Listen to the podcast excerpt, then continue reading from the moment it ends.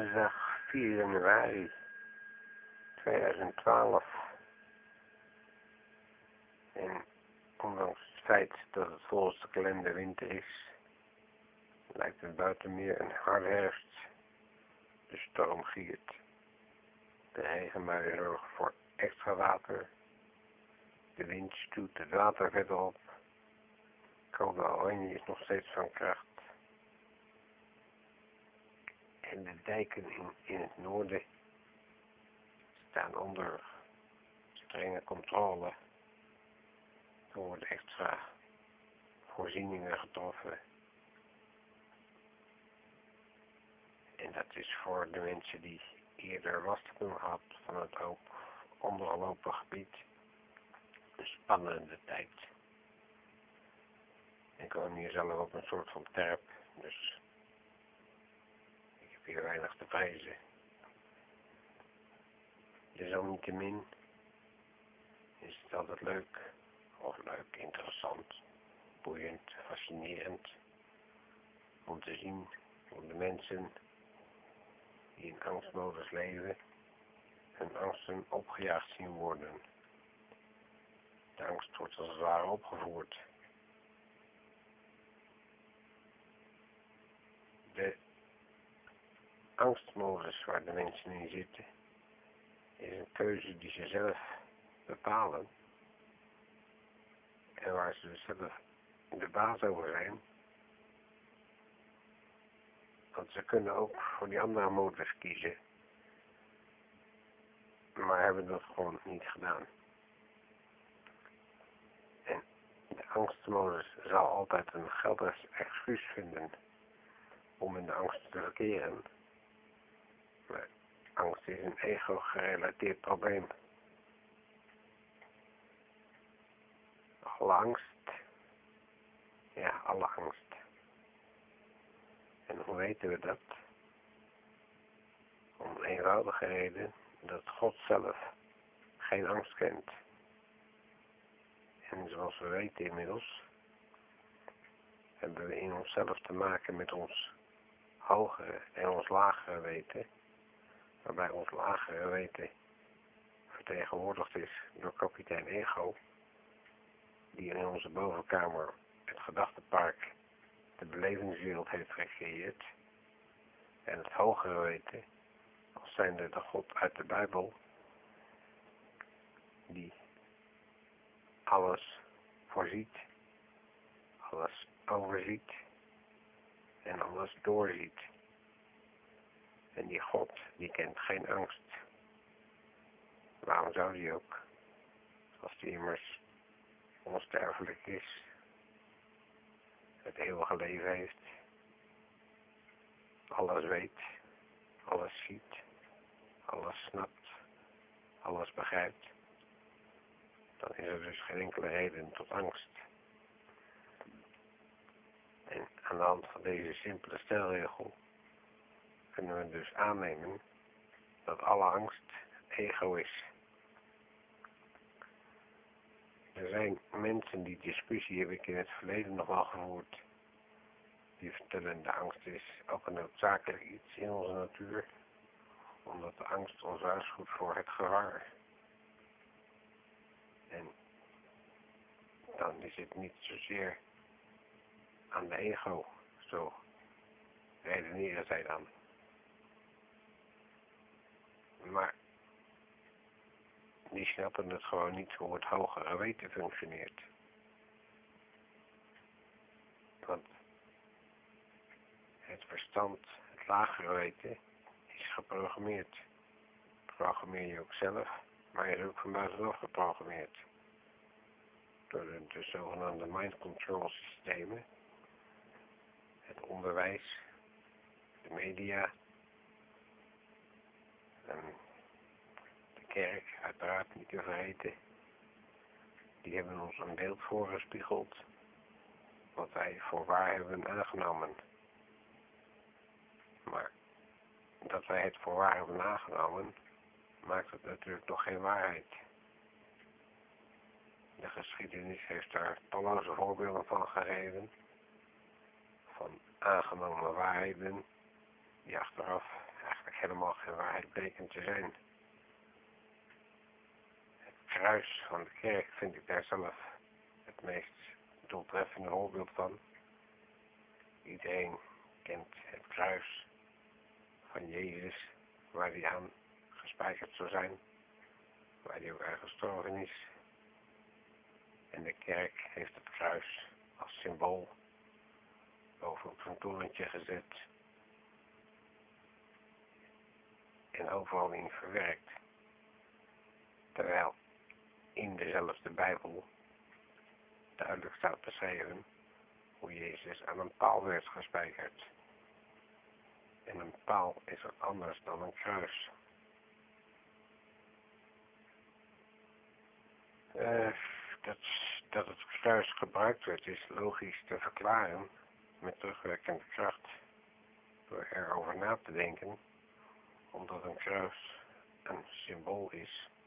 Een symbool is een beeldvorming en een beeld zegt meer dan woorden. Een beeld werkt ook dieper in dan een woord. Wanneer de kerk de paal zou hebben aangehouden als symbool, dan had het niet hetzelfde effect gehad. Het kruis is een kruisiging, een aanwijspunt,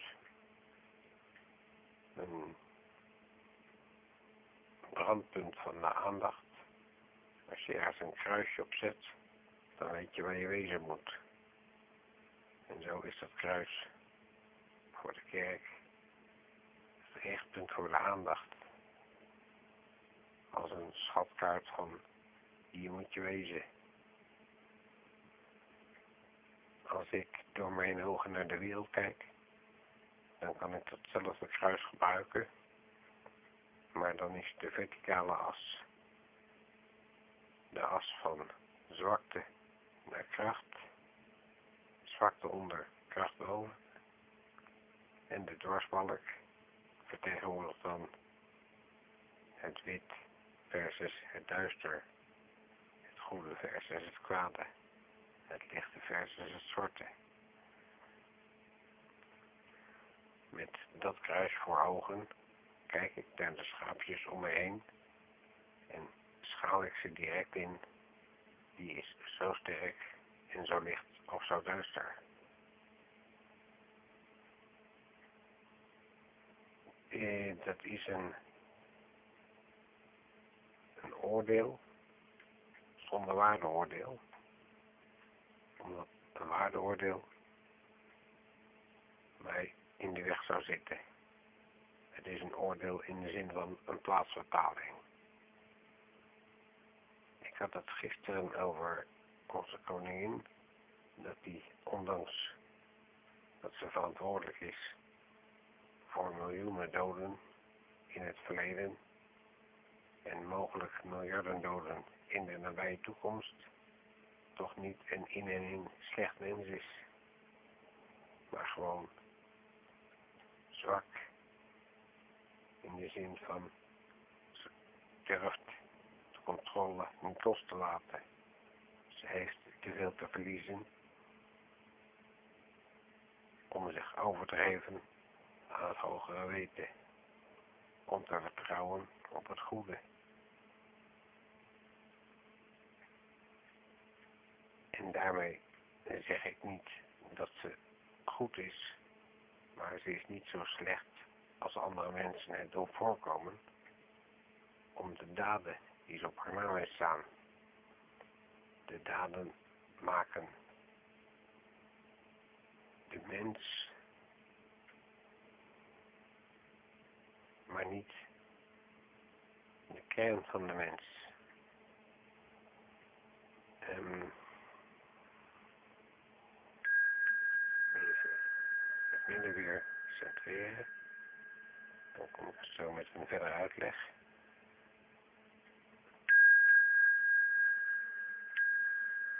We weten dat het belletje werkt als de steen in de vijver die de gingen veroorzaakt. En zodoende de steen altijd in het midden van de cirkel plaatst. En zo werkt het geluid van de bel, maar ook van de rapel en de drum en de keelzang. Het centreert het midden. En vanuit het midden heb ik een volmaakt overzicht op mijn omgeving. Dat is als een wachttoren van waar je de omgeving kunt overzien. Iedere vesting heeft een wachttoren met voldoende uitzicht in het rond, zodat de vijand niet onverhoopt, onverhoeds en onverwachts voor de deur zal staan. Dat midden, dat is ons hogere weten. Dat hogere weten vormt ons centrale punt, bevindt zich tussen beide hersenhelften in en staat voor God zelf, ongrijpbaar, onnoembaar, onvindbaar,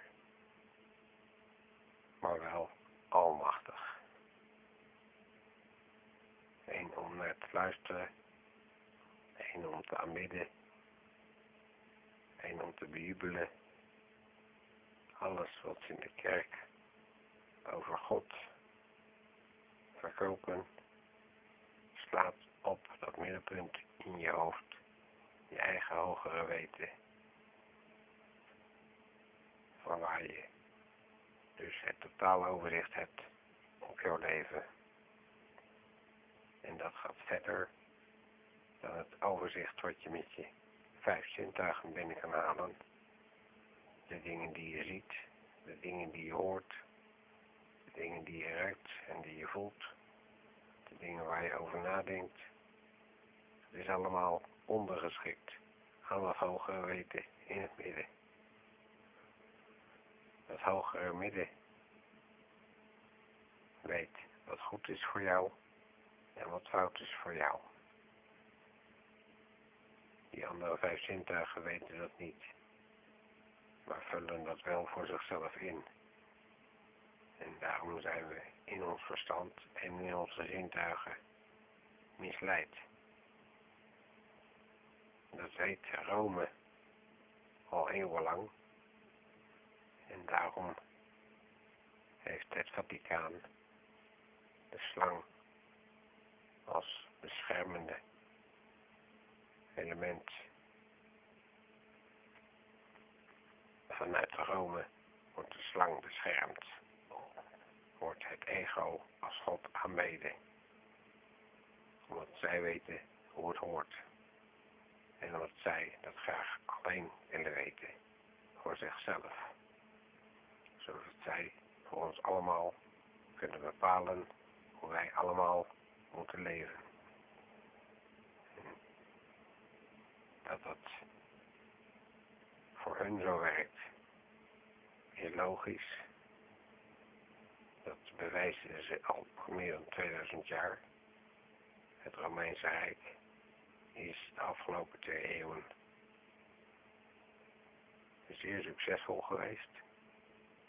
En de schaapjes in de kudde, de mensen die het veevolk vertegenwoordigen, die hebben het rijk van Satan opgebouwd. Paus is dus de geestgeworden Satan.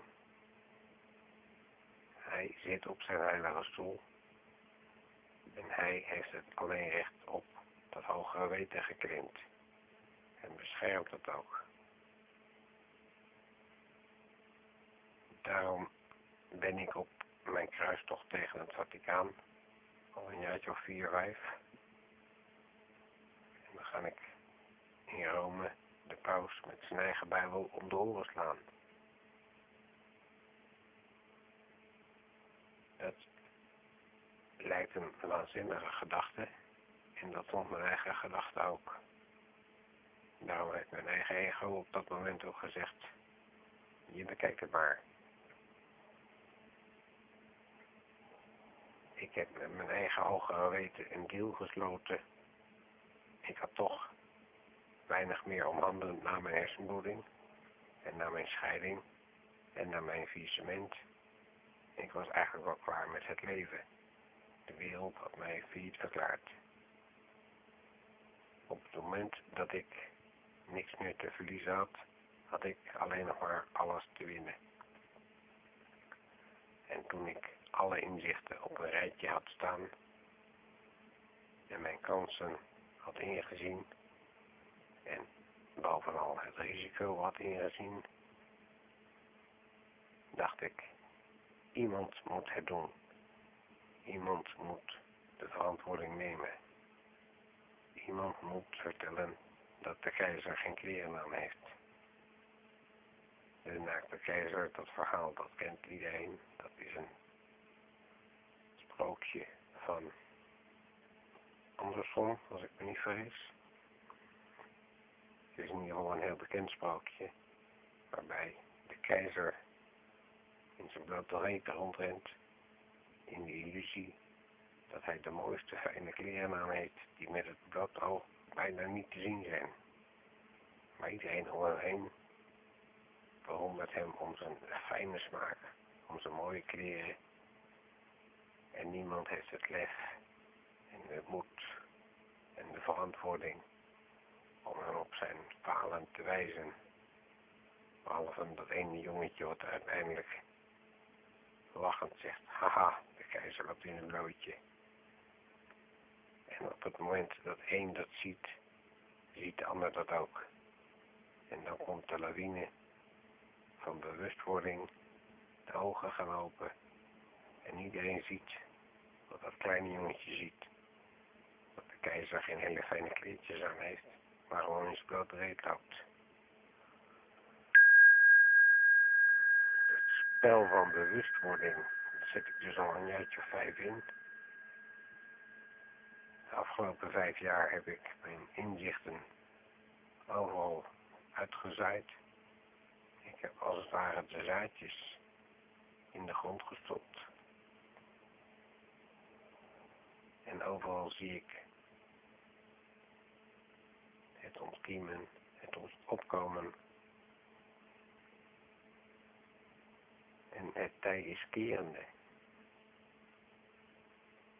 In ons laatste jaar met mijn podcasting waar jullie alle dagen getuigen van kunnen zijn, tot 21 december van dit jaar, heb ik met mijn volgers, met mijn luisteraars, het hoorspel, de pioniers, naar de mondiale vrijheid gaat trekken, om daar hun eigen wereld te veroveren, te claimen, te kapen van een nieuwe wereldorde, van de Bilderbergers, van de Romeinse Kerk van Brussel, van de heersende elite, die ons al die eeuwen in hun angstgreep hielden en veel dood en verderf over ons hebben gebracht. Met het dragen van onze eigen verantwoording nemen wij het heft in eigen handen. Kennen wij onze eigen verantwoordelijkheid, dan zijn wij ons broeders hoeder en komt het de waarheid aan het licht. En wij brengen de waarheid aan het licht. Wij zijn het licht van de waarheid. Wij zijn de weg, de waarheid en het leven. En wanneer wij pad gebaand hebben, kunnen de mensen achter ons dat pad zien, het pad herkennen en dat pad volgen. Daartoe zijn wij op reis. En daartoe komen wij alle dagen samen als pioniers.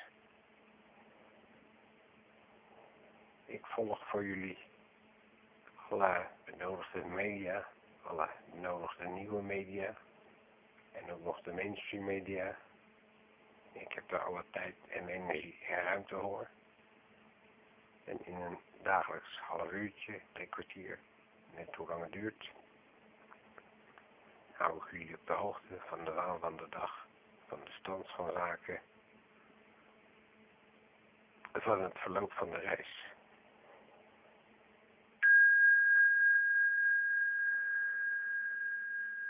Dus komen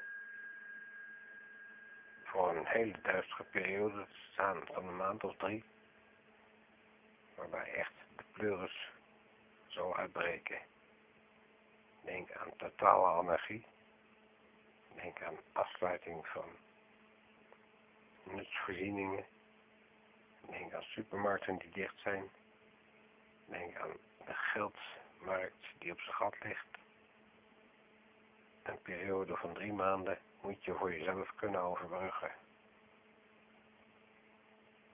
En dat is voor heel veel mensen na enige inspanning best te doen. Medicatie vind ik voor mezelf de belangrijkste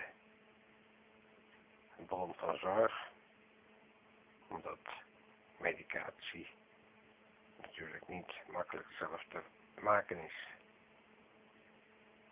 En heel veel mensen zijn al aan pillen gebracht waar ze afhankelijk van zijn gemaakt. Heel veel mensen zijn ook afhankelijk van de nutsbedrijven. Heel veel mensen zijn afhankelijk van de supermarkten, van een uitkering of een baan een inkomen. En dan is het moeilijk om daar drie maanden van te overbruggen, zonder dat al. Maar met de juiste inzichten, de juiste informatie, de juiste voorbereiding, is het merendeel in staat om die drie maanden te overbruggen. Voor mezelf heb ik een flinke voorraad chiazaad en touwgras waarmee ik mijn eigen energie en vitaminebehoeften onder controle heb, in beheer heb. Ik kan pas op die manier die drie maanden vrij eenvoudig overbruggen. Ook voor mijn kinderen, voor mijn dierbaren. Maar niet voor de hele wereld, niet voor het hele dorp. Zelfs niet voor mijn hele gezin, voor mijn hele familie, voor, mijn broers, mijn ouders, mijn ooms, noem maar op.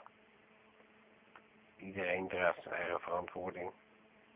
En ik vertel aan een ieder hoe ik doe wat ik doe. Waarom ik het doe en waartoe ik het doe. En ze kunnen mij voor gek verklaren. En ze kunnen zeggen, daar zit wat in, ik ga dat ook doen.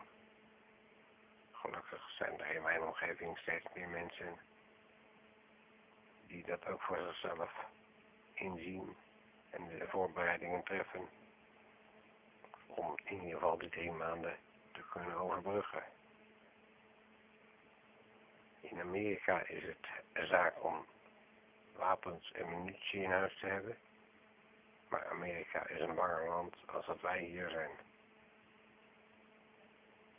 Is een logische oorzaak, reden en verklaring voor. De Amerikanen leven op gestolen land. De Amerikanen hebben hun land gestolen van de Indianen. Die hebben ze daarvoor uitgemoord. En in reservaten de restanten gestopt.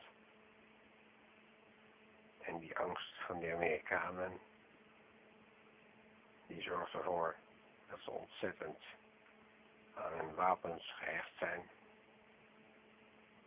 En de media daar, de Amerikaanse droom,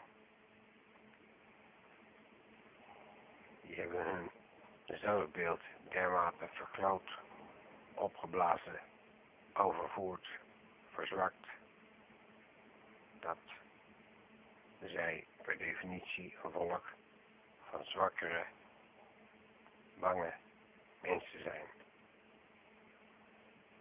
Maar ondertussen vraten ze wel het meeste van ons allemaal op. Zij konden in wilde leven en wij moesten daar met z'n allen verbloeden.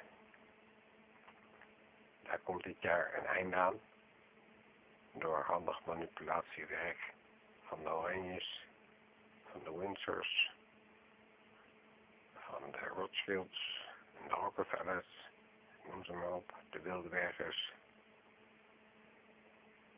Amerika zal dit jaar voor 40% eh, deflatie voor de kiezer krijgen. Het leven wordt er 40% duurder. En ze worden geniveleerd naar onze standaard. Met ons bedoel ik ons Hollands poldermodel. Wij hebben al sinds 1650, 1655 het Gemaltedre in ons wapenschild staan. Wat zoveel betekent als het ik zal handhaven. En het handhaven is precies wat wij hier in Nederland als volk al eeuwen doen. Wij stellen de norm voor de rest van de wereld. Onze wil is wet. Wij bepalen hoe zij mogen leven. En wij doen dat voor. Wij wonen met honderden verschillende culturen in één stad. En dat gaat doorgaans prima samen. Wij hebben een verzorgingsstaat waarbij een ieder een dak boven zijn hoofd heeft, onderwijs, voedsel, gas, licht, water. Er wordt voor iedereen gezorgd, met iedereen en door iedereen. Dat er nog wat haken en ogen aan zitten, dat het nog niet 100% perfect is, dat mag de pret niet drukken, maar overal zijn wij het schoolvoorbeeld. En daarom als geen ander in staat om de mondiale vrijstaat voor de rest van de wereld te projecteren. Wanneer wij dat hier in Nederland neerzetten, op de kaart zetten, hier het moeiteloos te kopiëren naar de rest van de wereld. De techniek is daar aan alle kanten meer dan geschikt voor. De mensheid is daar in zijn bewustzijn naartoe geëvalueerd door alle strijd die we in de afgelopen eeuwen hebben gevoerd. De klok heeft inmiddels twee uur, wat de wereld duidt dat het wederom midden in de nacht is. En de storm raast heerlijk over het huis, wat een zalige nachtrust voor straks zal garanderen.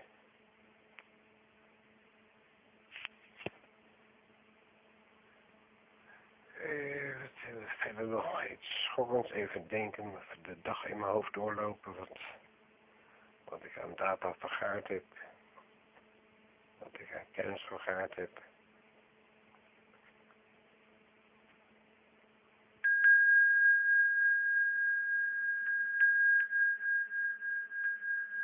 De situatie met Iran blijft verder oplopen, de spanningen al daar. Er wordt over en weer gedreigd. Vanuit het westen wordt Iran net zo lang getreiterd, getergd en gesart, totdat ze het niet meer pikken en van zich afslaan. En op dat moment heeft de heersende elite een excuus gevonden om dat land tot te gooien te bombarderen, uit te gooien, uit te moorden, nieuwste wapens uit te proberen. Dat spel dat wordt gespeeld, maar dat spel wordt ook gezien. En die strijd die woedt dus volop. En het wordt dus nog even spannend hoe zich dat zal gaan ontwikkelen. Er zijn gelukkig ook goede signalen, zoals die Sietse planting die gisteren weer is vrijgelaten. En vandaag las ik weer van een, Chinese demonstrant die ook is vrijgelaten. China weigert trouwens om de CO2-belastingen te gaan doorberekenen op de vliegvelden. En daarmee zet China de toon voor ons weer. China trekt zijn eigen grens, zoals hij dat al vele eeuwen voor zichzelf heeft gedaan. De Chinezen zijn ons hmm, ons voorbeeld. De Chinezen bepalen in de wereld hoe er geleefd moet worden. De gele keizer was de grondlegger van alle keizerrijken die daarna zijn ontstaan. En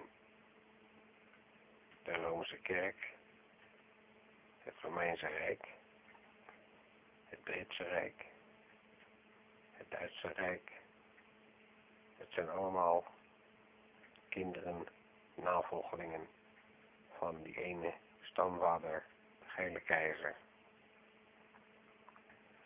Wie het eerst houdt, die het eerst maalt. En dus speelt China nog altijd een hele prominente rol in het einde van de tijd. Het einde van de tijd kenmerkt zich in het in balans komen, blijven en houden van de gehele wereld om ons heen. En de balans die we moeten houden en handhaven, is de balans tussen de liefde en de angst. En dat is een boeiend spel om te spelen. Een boeiende strijd om te strijden. En eentje die we op zeker moeten gaan winnen, willen we niet met z'n allen ten onder gaan.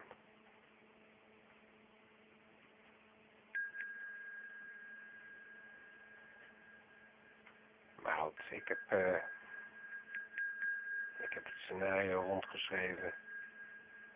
Ik heb de strijd al gestreden. Ik heb de strijd al gewonnen. Het is nog een kwestie van tijd voordat de rest ook zover is. De kritieke massa ligt bij 5%. Wanneer 5% van de mensheid is ontwaakt,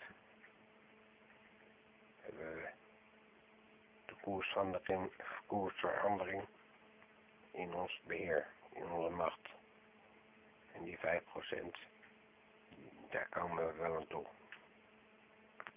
Meer dan 5% is al aan het ontwaken. En het ontwaken is een spel van de bewustwording, van het loslaten van het ego en alle dramatiek die we om ons heen zien, is allemaal noodzakelijk kwaad, noodzakelijk lijden van de schijn die aan het oplossen is. De leugen die verdwijnt, die wordt ingehaald door de waarheid.